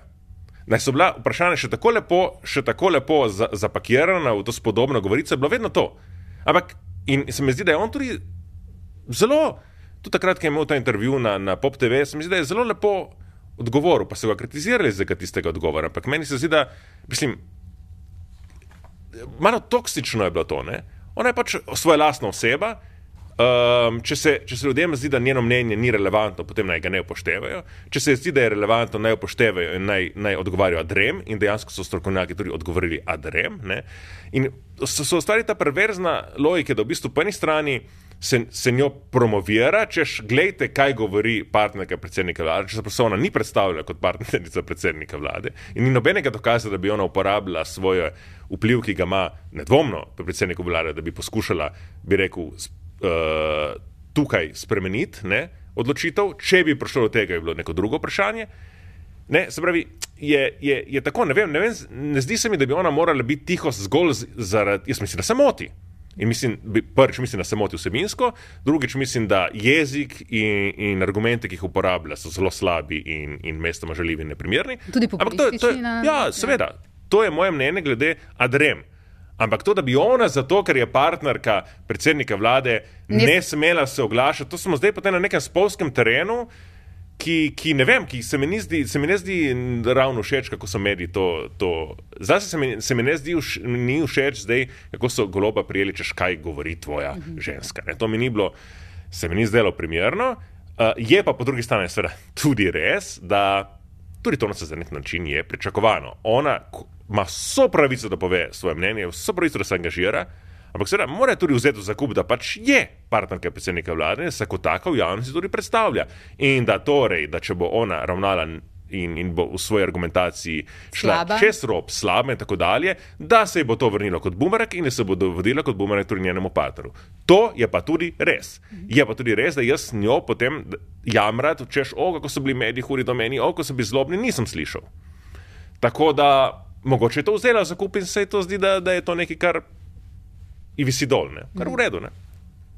Ja, ni pa prišla sem na soočanje z uh, znanstvenikom, ki ga je uh, kritizirala tako. Ja, to pa že spet. Zdaj, zdaj, pravi, če se vrnemo nazaj na vprašanje vsebine in njenega tona, mislim, da je bilo vsebina napačna, to tem se da razpravljati, mislim, da bo ton neprimeren to, da potem ni bila pripravljena se soočati in tako dalje, je že spet. Ne? Se pravi, se je postavil na, na, na pozicijo nekega moralizma, ne? ki se je tokrat obrnil proti njej. Ne? In to samo po sebi, to samo po sebi pa ni napačno. Jaz mislim vedno tako, da je treba do politikov in tudi mogoče do, do, do tistih njihovih partnerjev, ki se vzpostavljajo v javnosti, ni nobenega problema, če, imamo, če smo do njih bolj zlobni in če imamo do njih bolj, Bolj kritični, Bolj kritični Pa tudi, bi rekel, ne zlobni na nek način. Ne? Ja, kot smo, recimo, do ljudi, ki niso, ki ne držijo, ki nimajo v rokah inštitucij. Ne? Se pravi, č, mogoče pa niti ni, kot rečem, upoštevajoč vse, kar sem rekel do zdaj. Na politični ravni mogoče ni napačno, da prvič, ko se je to zgodilo, da je bila reakcija taka, da Globki ni Mhm. neumen, je- zdaj ve, da, da ve, da nek način, da če bo on imel kdaj skomino, da bo rekel, ja, ja, bom jaz to uredil, ker ti tako praviš, da bo trikrat premislil, da to naredi. ne. Ker je dobival to vprašanje In, to, konflikt interesov. in to, da se naši politiki bojijo odziva javnosti proti stvarem, ki so dejansko problematične, ne glede stvari, ki so dejansko problematične, kot je prek zasebnih kanalov urgirati, je prav. Ne? Prav, da se boji, je pa, kar je do zdaj rekel, da mi tukaj smo, bila, smo partnerji transparentno, smo od vsega začetka rekli, da so partnerji, nismo tega skrivala, ona ima svoje mnenje, jaz imam svoje mnenje, tukaj vse javno povemo, meni je ta odgovor zadovoljiv. Ne? Zdaj, če bi se pa izkazalo, da ni bilo tako, da je bilo nekaj, kar ni bilo javno, da je nekaj, kar je potekalo prek klicev, ne tako kot je Berlusconi, ne, ne, uh, klicev na dej urediti, potem je pa nekaj posebno drugega. Ne. Potem imamo ta problem in imamo tudi problem, da se nam je, da se nam je premijer zlagal. Ampak dobro, je nastopil na javnosti, je stvari jasno povedal in zdaj stvari take so, kot so. Ne. Ok. Tako da vsem skupaj se jaz nisem bi rekel na neki dialektični ravni s tem se strinjam, ne, da, da je, mogoče pa ni napačno, da smo imeli to polemiko. No. Okay. Gremo naprej, gremo na opozicijo. Uh, kar se je zgodilo v minulih tednih, je bilo tudi to, da je Nova Slovenija um, slovensko ljudsko stranko in platformo sodelovanja Anžeta Logorja povabila k oblikovanju skupne liste za evropske volitve, ki bodo junija prihodnje leto. Uh, kaj je to, kar se dogaja na desnici s tem elementom? Mogoče Jaz mislim, da je, jaz mislim, da je Nova Slovenija to vabilo SLS-u seveda postavilo zato, da bi, da bi v bistvu Bogoviča oduzeli, uh, ki tak ne glasuje večinoma in kadar glasuje z, z SDS-om, ga je mogoče malo, tako mu je malo narodno, ne, da bi ga v bistvu oduzeli SDS-u in privabili k svoje listi, in drugi strani, da malo izzivajo Logar, ne, kar je prav, da ga izzivajo, ne, ker oni mislijo, po, oni so to vabilo po mojem dali zato, ker mislijo, da se Logar ne bo upal tega, tega koraka narediti, ne, uh, iti v konkurenco SDS-u, ker to bi pomenilo pač prelom, ne, se to nema statutih SDS-a, kar je povsem pravilno, tako piše, da pač njihov član ne sme brez odobritve stranke kandidirati na drugih listah, ne. Torej, Um, in tako da mislim, da to je bila neka žogica, ki je bila vržena, jaz mislim, da je v redu. Uh, če eh, Nova Slovenija pač je vzela resno, kar je napovedala pred meseci, da ne bo šla več v koalicijo, ki bo vodil Janez Janša, to pač implicira, ker Janez Janša še vedno trdno v, predsednik te stranke, da pač ima neko alternativno strategijo, da hoče graditi neko drugačno desnico in zdaj pač vrže žogu, žoga že to logarju. Ali si ti z nami, ne? se pravi, ali tudi ti hočeš graditi neko dru drugačen tip desnice, ali hočeš še vedno biti na teh dveh stolih. Ne? Mi zdaj bomo videli, kako bo logar odgovoril. Ne? Tadej? Um, zdaj, ok. Uh, ko sem prebral to novico, sem se najprej tako, ko sem začel, uh, da tako rečem, ko so me spomnili, da, da bodo evropske volitve in da se bodo volili poslanci slovenske v Evropskem parlamentu, da bo to, nek, da bo to neki veliki signal, neke pomembne stvari, se res sem tako, sp- spomnil sem se šit, koliko to ni nič. Mislim, koliko je to brez veze. Zdaj tako koliko rekel. hočeš, koliko pozabimo Mislim, vmes? Koliko je, ja, kako, Ja. ja. To, kako to. Ja, včasih ja, včasih ne. Mislim, ne. Zadnje volitve so bile take, ker je. Ampak so, Ne, ne, sam, ne napovedujejo. Spomnim samo o tem, mislim, spomnite na to, da so eh, res v funkciji tega priprave na to, da pač, češ, zdaj, če bomo tukaj pokazali, pa zvolili, pa kako gremo skupaj, ne, da bomo dobili poslance, zato da bomo lahko, kaj pa vem, mislim. Eh, Ne, eh, če, sem, tako, če sem v Tino Gabr ne investiran, sem v tole še toliko manj. No, tako bom rekel, zaraz, ne, eh, res ne morem, težko razložim, koliko ne zanima me. Bom še enkrat, mislim, da sem to že rekel, kdaj. Rečeš kdaj? Matej Tonin in Anžel Logar morata v isto stranko. Ni prostora za dve različni stranki. Ona dva, mislim, zato je najbrž ta vtis, da mi je nesmiselno, absurdno, seveda morata biti v isto stranko. To je tako, Ja, ja, jaz- na ravni prezentacije, to je, to je ena stranka. In mislim, vključno se- z Aljo Brgles, naj gre zraven, naj se izpostavijo. Ne. Jaz mislim, da se tega zaveda Tonin bolj kot logar ne? uh, in da za to gre. Ne? Se pravi, uh, Logar poskuša neko, neko, neko tretjo pot med, med NSI-jem in SDS-om, ki ne obstaja. Ja, no, vse mislim, to ni pa, ne, seveda, zdaj, da tako rekel. To ni pa vera v taki poten- platformi, seveda, oni imajo denar, oni imajo, oni so stranka ja. in oni bi prevladali. Ne, Ja, ja, dobro, po drugi strani ne lahko rečemo, ja, zdaj, kdo se na koga zdaj šlepa, je vprašanje. Ne? Mislim, na eni strani res. valjda, valjda bi rekel, da, da potencial eh, neke platforme sodelovanja eh, je večji od NSI-ja. Mislim, Izpade lahko iz enega, iz enega pogleda, da, da eh, rekel, nekdo, ki je brez moči, tipa NSI, Matej Tonin, hoče večjega nagovarjati, pridruži se mi. Ja, ampak ni tako, ne. Meni, ne. Ja, na drugi strani je lahko čisto obratno. Sam, um, tako, uh, jaz ne vem, no, mislim, dajte se že. Kako, kako se reče? Da te se zmeni. Okay. Ja, dajte se že zmeniti. Pejte- ven, ja, get a room. Ja, to. Um, nekdanji predsednik Pahor. Ja, če smem še jaz. Ja. no, pa Ja. on naj greš tudi zraven. No, Glede- čakaj, pridemo zdaj. Glede uh, evropskih volitev, eh, marsikdaj, začenši s temi prvimi, ki so bili 2004, so bile evropske vo- volitve znani, znanilke kasnejših trendov. Ne? Ni zdaj to, kako bi rekel. Je visoka korelacija, bomo rekli, pardon, ni zdaj vedno, ni, ni vedno tako. Ne? Ampak spomnim se, da 2004 je bil to prvi znak, dokaj nepričakovan, da je uh, v dolgoletni vladavini LDS odklenkalo. Uh -huh. Tam je, če se ne motim, na drugem ali na tretjem mestu celo uh, se znašla LDS in to je se izkazalo, čeprav ti potem še tisto leto je izgledalo, da ne bo tako, ampak je se je pokazalo, da je to bil, da je to bil začetek nekega trenda. In, in tudi potem te rezultati takrat, uh, 2014, ne, so kazali na neko stagnacijo SDS-a, ki se je potem potrdila na, na volitvah. Se pravi, uh, dejansko niso tako nepomembne. Ne, niso tako nepomembne, predvsem pa so pomembne, seveda, zdaj, ker so edine. Ki nas čaka do, do volitev, ki se vse bolj kažejo kot, kot redne, ne. drugih ni. Ne. In tukaj, če se kaj lahko zgodi, ne, se lahko zgodi tukaj. Ne. To je, prvi, to je prvi element. Drugi element je pa, da, seveda, da evropske volitve same ne, so vsake, vsakega, vsakega mandata pomembnejše. Ker zdaj je Evropska unija, ne toliko je bilo govora o geopolitični Evropski uniji in vsem tisti, vse tisti šov, ki so ga naredili, ki nam je presedel, ki so ga naredili za prejšnjo vol- volitev z vsemi špicami kandidati. Ja, in- Pustimo in to, že prej, ki ja. potem ni bilo z tega nič, ne? ampak dobro, ampak zdaj je po sili razmer situacija drugačna. Ne? Evropska unija je v drugačni poziciji ne? zaradi vojne v Ukrajini in tako dalje. In tudi, eh, bi rekel, pomen. Uh, ne samo simbolno, ampak tudi realni, kdo bo zdaj prevladal v Evropskem parlamentu, in tako dalje, se veča. Ne? Tako da to ni, ni, ni tako nepomembno. Jaz tako nisem neinvestiran glede, glede na to vprašanje. Ne. Konkretno, kar se tiče, ja, konkretno, kar se tiče, tukaj je, seveda, tukaj ja. je, tukaj je NSI prevzela pobudo ne, uh, pri nečem, kar, kar torej, ki se ima zgoditi. Ne. Zdaj, če se te, to ne bo zgodilo, bo to zelo jasen znak, da, da, da, da, da te platforme, že ta logarja, ne moremo jemati resno. Uh -huh. uh, ker tudi ta platforma zdaj je v bistvu zadnja priložnost, da v bistvu se pre, pre, pred volitvami državno-zborskimi, da, da se dejansko odloči, kje je. Ne? In mislim, da če, bo, če bo izgubil logar še to priložnost, da se pozicionira, potem. Um, potem Ne vem, mislim, da bo, da bo pokazal preveliko, okle, preveliko oklevanje in neodločnost. Predvsem zato, ker če je teoretično možno in niti ne tako nemogoče, če vidimo rezultate, kot jih ima počevalšek na volitvah in tako dalje, ki mu ni dosti zmagalo za, za uvrstitev v parlament. Je teoretična možnost, da bi nastopili obe stranki in da bi obe stopili v parlament, se pravi, tako NSI kot Logareva lista. Medtem ko na evropskih volitvah to niti teoretično ni mogoče, zaradi tega, ker pač volimo sedem poslancev ali osem po, po Dontovem sistemu. Ne. In tukaj na nek način je zaradi tega ta, ta dilema, uh, ki je pred Logarem, toliko bolj pereča. In tukaj je pač, kot rečeno, je NSI tista, ki je, ki je vrgla žogico in zdaj.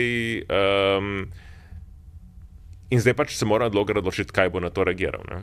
A si hotel še kaj pripomniti? Ne, ne, se, seveda, te evropske volitve zdaj, po, po eni strani bi jih, bi, eh, bi jih državljani evropskih držav zaradi te farse s špicem kandidati neizpolnjenih obljub, v končni fazi Ja. ja. na tej strukturni ravni, bi jih morali bojkotirati. Mislim, da tako rečem, če bi, če bi tako gledal na, na, na eni ravni. Ne, ne, ne da k temu pozivam, ne, samo tako pravim.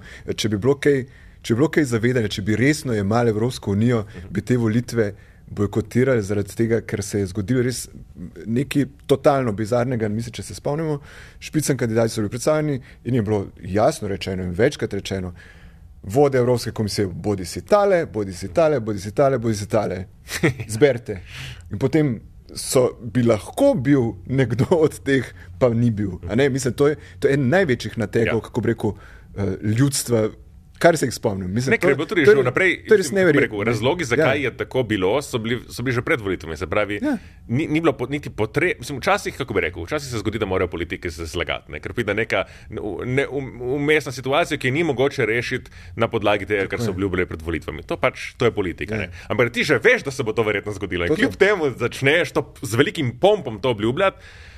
Ravno zato, da bi preprečil demoralizacijo ljudi, to je potem zelo Ja, ja, pač velik kot je- Ampak je pa tudi res toliko ogromno zgodilo na evropski ravni in globalni ravni od zadnjih volitev, da mogoče so samo še panditi, ne, tisti, ki se profesionalno ukvarjamo z ko- komentiranjem politike, še tega spomnimo. Ne. Mislim, da, da Um, vrnila se bom k predsedniku, bivšemu predsedniku Pahorju. Kakšna je njegova vloga, odkar ni več predsednik, po vajem, vajnem mnenju? A, kako jo vidite?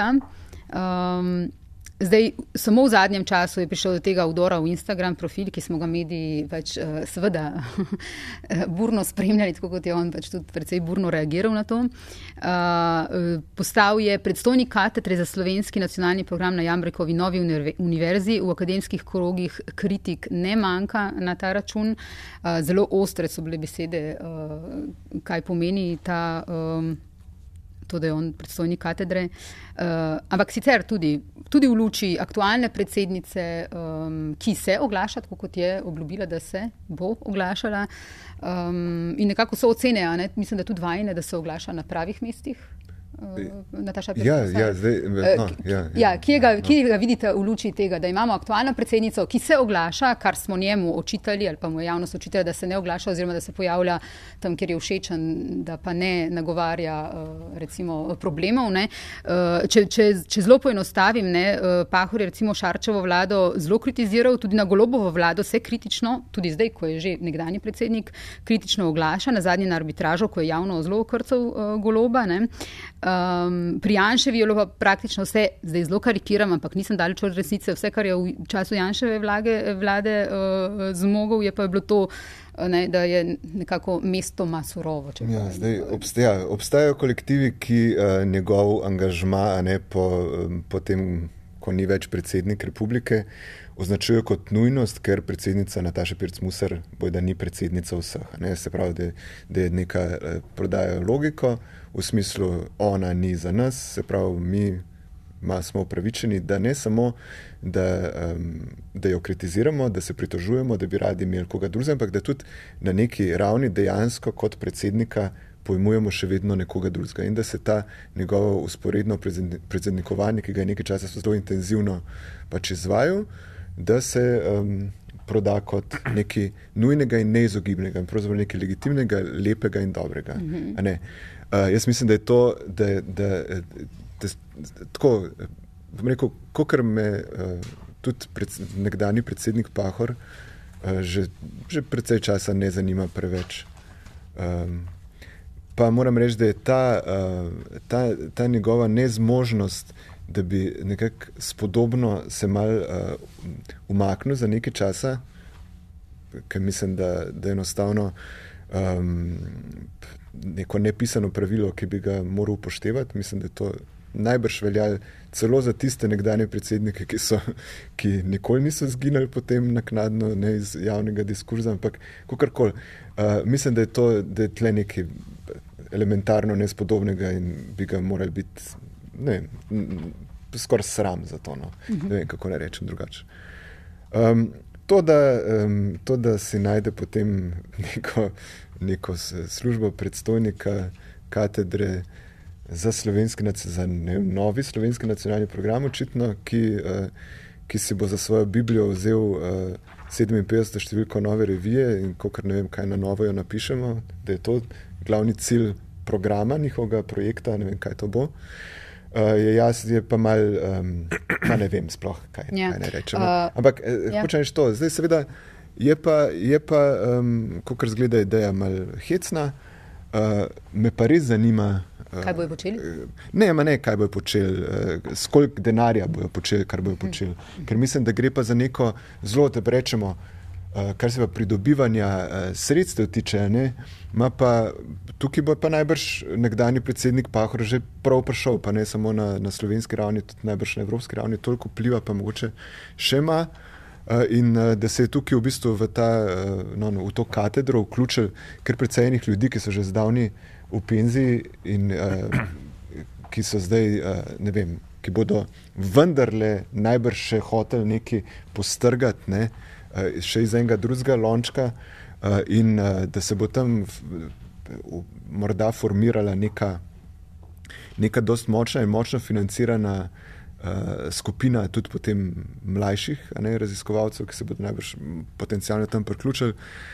Ki bodo, vem, tako skoraj, skor, kot da bi, mislim, po neki maniri, precej nenavadni, zelo, planski, ne, zelo ne, proizvajali neko novo, novo usmeritev, um, novo usmeritev cele države iz neke pozicije, ki bo hotela, ki bo tirjala zase, da je tudi slišana in upoštevana in tako naprej, da bomo to poslušali. Pač ne vem, no, sej, um, res bi si želel, da bi uh, mogoče predsednik Pahor, nekdani predsednik Pahor, imel toliko kot toliko potem predrznosti, ne, da bi rekel, tako, kot sem prej čist, pa ne vem, če se je sploh ujel. Mislim, naj gre nazaj v politiko, v, nek, v stranko, naj, naj, naj še ta, kako reko, še to spodobnost eh, nepisano prekrši, ne, pa naj se vključi v eno od teh strank, naj se priključi Anžetu Logarju, komorkoli hoče, najraje bi ga videl tam, deluje, izvoljen zaradi mene, če je kandidat za predsednika vlade, pa naj bo. Briga me. Mislim, e, e, tukaj zdaj se, da se gremo zdaj nekaj te, neko, kar nočemo ne bomo, teh, To bi tukaj, nespametno. tukaj bo blokada, Vlagatelja. tega se ne bo pustil, te- tega ne bomo delali. Uh, uh, lahko pa se, ne vem, v času, ko imamo uh, predsednico, on, ne vem, kako rekel, blazno potencirano uživa v tem, da, uh, da nastopa predse, kot predsednika, ne, tako kot je vedno rad počel, in da potem njegov Twitter, vse sem videl prav komično, je, ker so potem v tistem trenutku začeli ta nekdani predsednik. eh, Republike, tako ponavljati, se to, to formacije. Nekdani predsednik republike se je odločil, da bo nastopil tam, nekdani predsednik republike Boris- Borut Pahor bo v glavnem. Ne vem. Uh, najprej, najprej krši nepisana pravila, pa naj pos, se poskusi Pa še enkrat ne, v ringu, ne, pa, pa, gremo, pa gremo še en krok. No. Ti praviš, da bi bilo uh, nespametno to. Uh, Saj zato, ja. Kako Ne, pa ne, ocenjuješ to ne, katedro? Ne, recimo, Kdorkoli bi ga predlagal za Ja. bi bilo. vlade, Ampak pre- če bi mu to svetoval. ja, ampak predsednik Uh, visokošolskega sindikata, če, ne. če grem nazaj na to katedro, je Ja. pa predsednik visokošolskega sindikata, Ja. dr. Gorast Kovačič, uh, ki predava na filozofski fakulteti, je rekel, to ni katedra, to je neka PR-ovska organizacijska enota, za katero sploh ne vem, zakaj na njih univerzi. Uh, kako ti, Luka, da zaključimo mogoče s tem, uh, vidiš vlogo predsednika Pahorja, nekdanjega predsednika Pahorja, uh, v luči tega, da imamo izvoljeno predsednico, ki tudi zdaj uh, ob. Uh, Ki grozi, da se bo posušila roka nekaterim.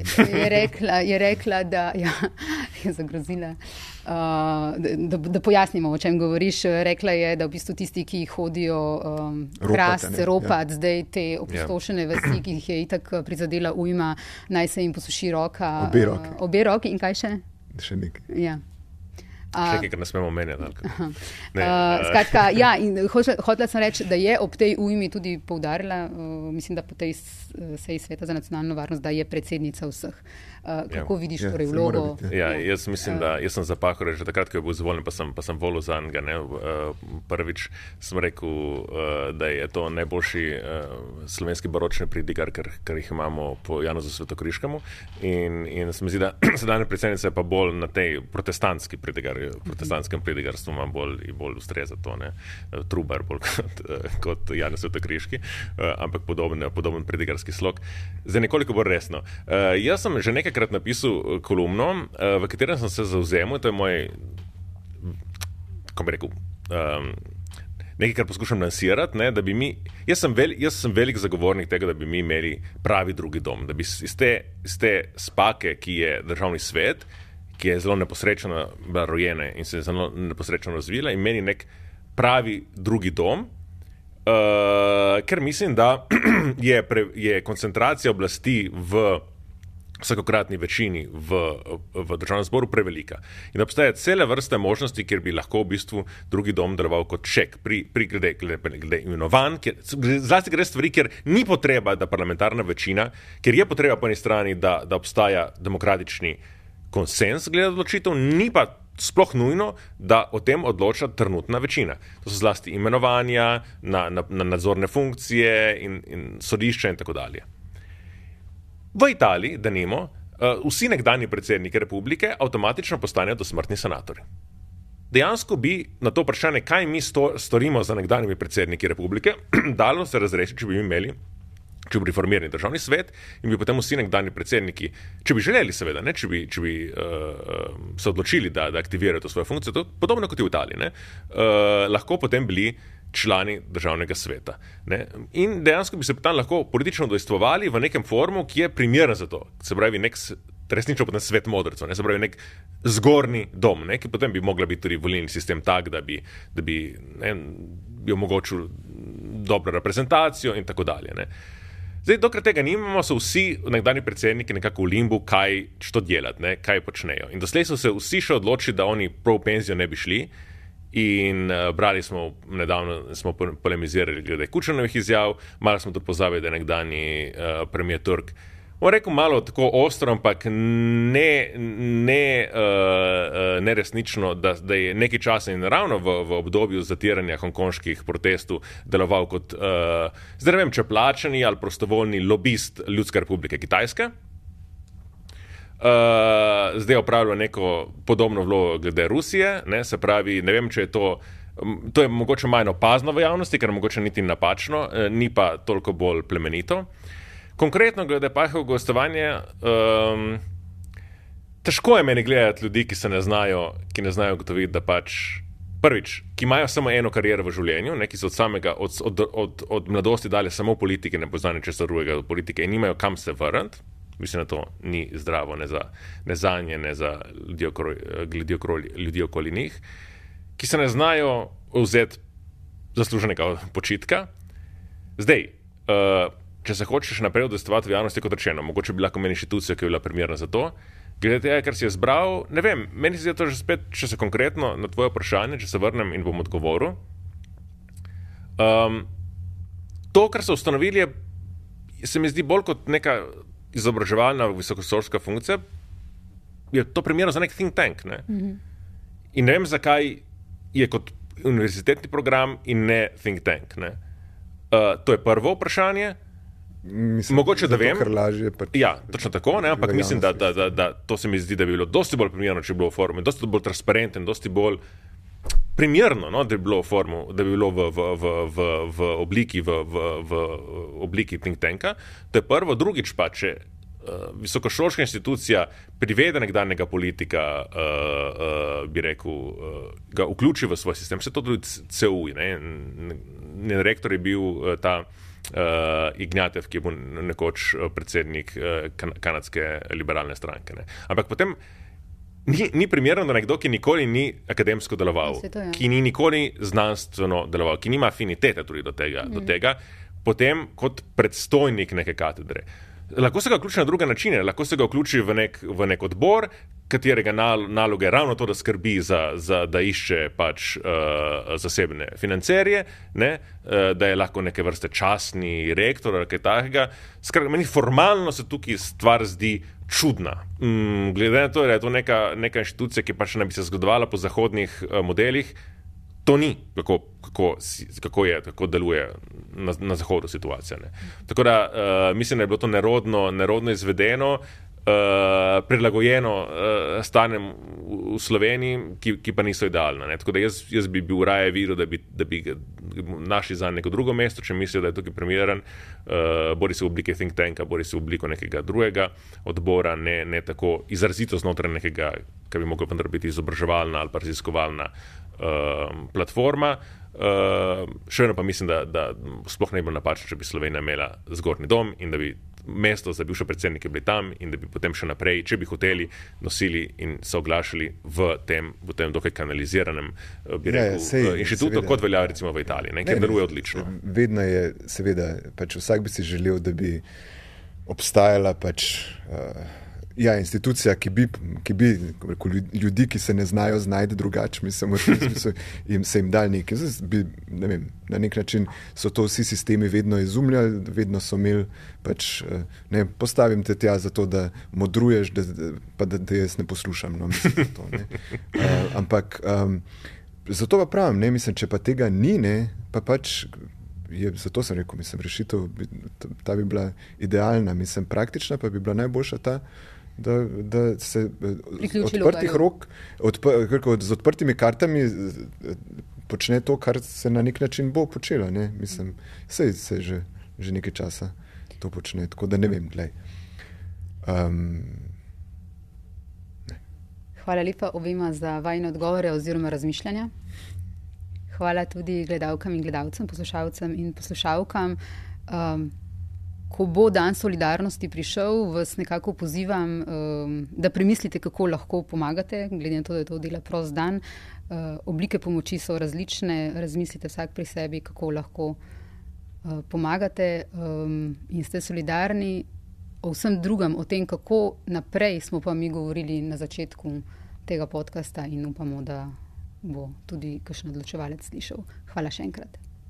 Frateris. mislim, da, da bi to lahko bil del slovenskega nacionalnega programa, če se, ki se izvaja v, na novi katedri. Tako da, recimo, če bodo to upoštevali, potem imajo nek smisel. Okay. Hvala.